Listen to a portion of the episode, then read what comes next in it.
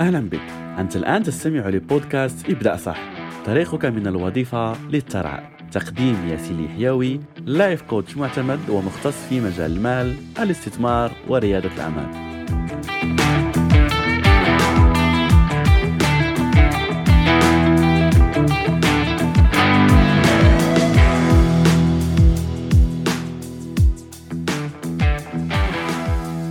السلام عليكم ورحمة الله وبركاته. أهلا ومرحبا من جديد. ولازلنا في برنامج الوفرة المالية الذي نقدمه في هذا الشهر الكريم. وحلقة اليوم سنتكلم فيها عن واحد من أهم الفروقات بين الشخص الغني والشخص الفقير. وهي على أن الشخص الغني يركز دائما على الفرص لما يرى مشكل من المشاكل اللي أمامه يرى فيها فرصة يا إما لبزنس أو للتعلم وتطوير نفسه. في الجهة المقابلة الشخص الفقير دائما يهرب من مشاكله. خليني أسألك هل عمرك شفت شخص فقير يفكر كيف يحل المشاكل التي عنده في حياته؟ غالبا لا أغلب الوقت تجد على أنه يهرب منها يا إما بالتلفاز يا إما يختلق مشاكل مع الأهل مع الزوجة مع هي مع الزوج آه، مع الأبناء في الشارع في المقهى وحتى يعني لاحظ على أنه أغلب البرامج اللي فيها مشاكل ولا مثلا الصلح ما بين الناس والتي آه، تعري الناس يعني في القنوات وتتحدث عن مشاكلهم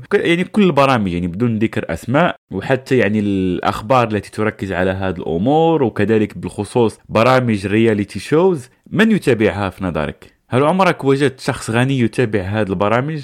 لا فالشخص الفقير أصلا عنده مشاكله وهو لا يكتفي بها يعني هو مبدع ما شاء الله في البحث عن مشاكله ومشاكل الناس فهو لا يكتفي بالمشاكل اللي عنده يتابع مشاكل الناس ويقول لك آه اللي يشوف مشاكل الناس تهون عليه مشاكله طيب أنت أصلا مركز على المشاكل فخليك عايش فيها فبالتوفيق لك يعني. فأكمل يعني في المسيرة ما شاء الله عليك أبدعت فللأسف تجد على أن عنده مشكل في العمل يهرب منه. يقول لك آه يجب أن أغير هذا العمل اللي أنا فيه بعمل جديد. هو الطريف على أنه لما ينتقل لعمل جديد لو كان انتقل آه بسبب مشاكل مثلا مع المدير ولا مع الزملاء كن على يقين على أنه في العمل الجديد سيجد غالبا مدير أسوأ من اللي قبله. ولكن ماذا يقول لك في هذه الحالة؟ آه والله يعني حظي سيء في العمل. والمسكين لا يعرف على أنه هو الذي يجذب هذا الناس لحياته. وكما نقول يهرب من حفرة يقع في حفرة أكبر. عنده مشاكل في البيت هو لا يجلس يعني مع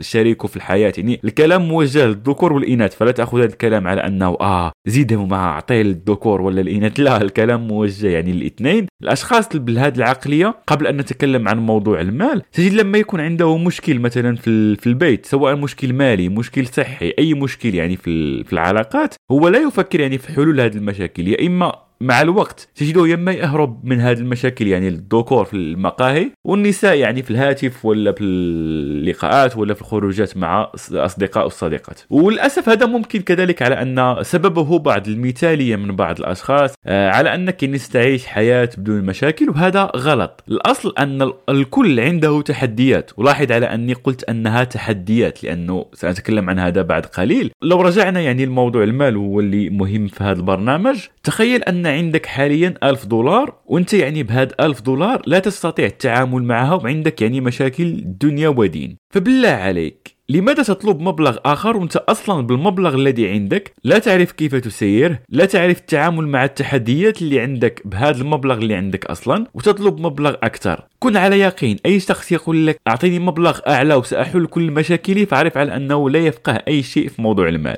لأنه ستزيد له المال ستزيد عنده المشاكل. كما قلت لك في موضوع الوظيفة الشخص الذي يهرب من المدير ولا الذي يهرب من البيئة السامة شخصيا لا أتفق مع هذه القاعدة ولا أتفق مع هذا المنطق لأنه استمرارك في الهرب من المشاكل سيبرمج عقلك على أنك شخص يهرب من المشاكل ولست شخص يحل هذه المشاكل وهذه عقلية للأسف غلط عقلية الفقر. فخلينا نرجع مرة أخرى لموضوع المال. هل في نظرك شخص موظف مشاكله هي مشاكل شخص عنده شركة وهو مسؤول عن 100 موظف؟ أكيد ليست نفس الأمور التي يتعامل معها هاد الأشخاص ولا هاد الشخصين. فقاعدة من قواعد المال على أنه كل ما كثر المال في حياتك أكيد ستزداد معاه المسؤوليات وستزداد معاه التحديات. لماذا؟ أنا لا أعززك يعني هنا ولكن عادي يعني سيكون عندك استثمارات أكثر ممكن مشاريع فكل هذا سيتطلب نسخة أفضل منك نسخة قادرة على التعامل مع هذه التحديات الموجودة أمامك وليست نسخة تهرب من المشاكل والتحديات. ففي الحياة هناك نوعين من الأشخاص. هناك من يعيش بالجانب النظري ويبدأ يعني يبحث على أنه يقلل التحديات. آه وكيف أعيش حياة بدون مشاكل؟ آه وكيف يعني أمشي جنب الحيط ولا غيرها يعني يضيع طاقته في محاربة هذه المشاكل والتحديات. وتذكر قاعدة مهمة على أن كل شيء تحاربه هو يزيد ويكبر. وهناك فئة أخرى في الجهة المقابلة تطور من نفسها لكي تصبح أقوى من هذه المشاكل. فبالتالي الحل هو أنك تطور نفسك لتصبح أقوى وأكبر من هذه المشاكل التي عندك الآن. فلو عندك مشاكل حاليا يعني أنك لا تستحق الوصول لمستوى أعلى وأنك أقل من هذه المشاكل اللي أنت لا تستطيع حلها حاليا. فالحل كما ذكرنا هو يجب أن تتعلم وتطور من نفسك. فلهذا السبب يعني لما أقول لك اقرأ كتب فأنت تأخذ منها أفكار ولا لما أقول لك اشترك في دورات فأنا هنا ليس لأبيع لك ولا أسوق لك دورات. حسب يعني براين ترايسي وهو يعني كاتب ومحاضر و business man يعني مشهور جدا في الولايات المتحدة وعالميا يقول على أنه دورة من يومين من شخص خبير في مجاله تعادل سنتين من التجربة والخطأ. لو مشيت في هذا الأمر وحدك فبالتالي ضروري على أنك تتعلم وتطور من نفسك لأنه الحياة تخيلها على أنها لعبة. هذه اللعبة فيها مستويات. فأنت في المستوى الأول يا إما تبدأ تقاتل وتحارب وتجرب وتخطئ وتتعلم. هذا ان كنت ترغب في التعلم وستجد الحل بعد مدة أو تختصر عليك الوقت وتتعلم. مثل هذا البرنامج شاركنا فيه العديد من البرامج وكما ذكرنا أنت الآن يعني تستثمر من وقتك لكي تتعلم هذه الأمور لترقيك وتنقلك من مستوى لمستوى أعلى. وأكيد سيكون هناك دائما مستوى أعلى ومستوى أعلى لغاية آخر يوم في حياتك في هذه الأرض. تمام؟ فيجب دائما أن تكون تفكر بهذه القاعدة عندي مشاكل حاليا أوكي كيف ممكن أنا أحلها؟ هل ممكن هناك شخص يساعدني على أني أحلها؟ هل هناك دورات تساعدني على أني أحل هذه المشاكل؟ هل هناك شخص مر بنفس التجربة التي أنا أمر بها؟ فبالتالي أكيد لو هو استطاع حل هذا المشكل فهو عنده خبرة ممكن يفيدني بها لكي أحل أنا كذلك هذا المشكل وهنا خليني أطرح عليك سؤال تخيل لو كنت أكبر من مشاكلك الحالية هل هناك شيء ممكن أن يوقفك؟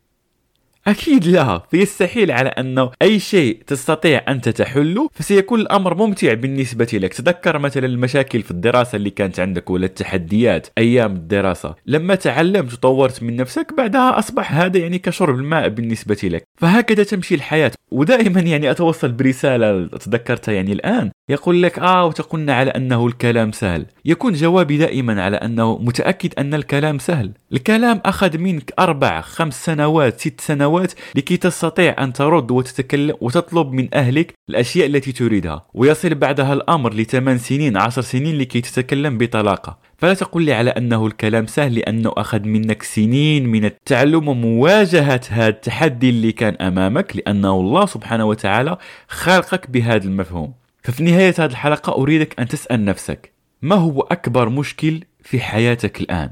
ولما تجده اسأل نفسك كيف أستطيع أن أكون أكبر من هذا المشكل لكي أتغلب عليه؟ فأجب عن هذه الأسئلة وراك في حلقة جديدة غدا إن شاء الله. ابدأ صح تنجح صح.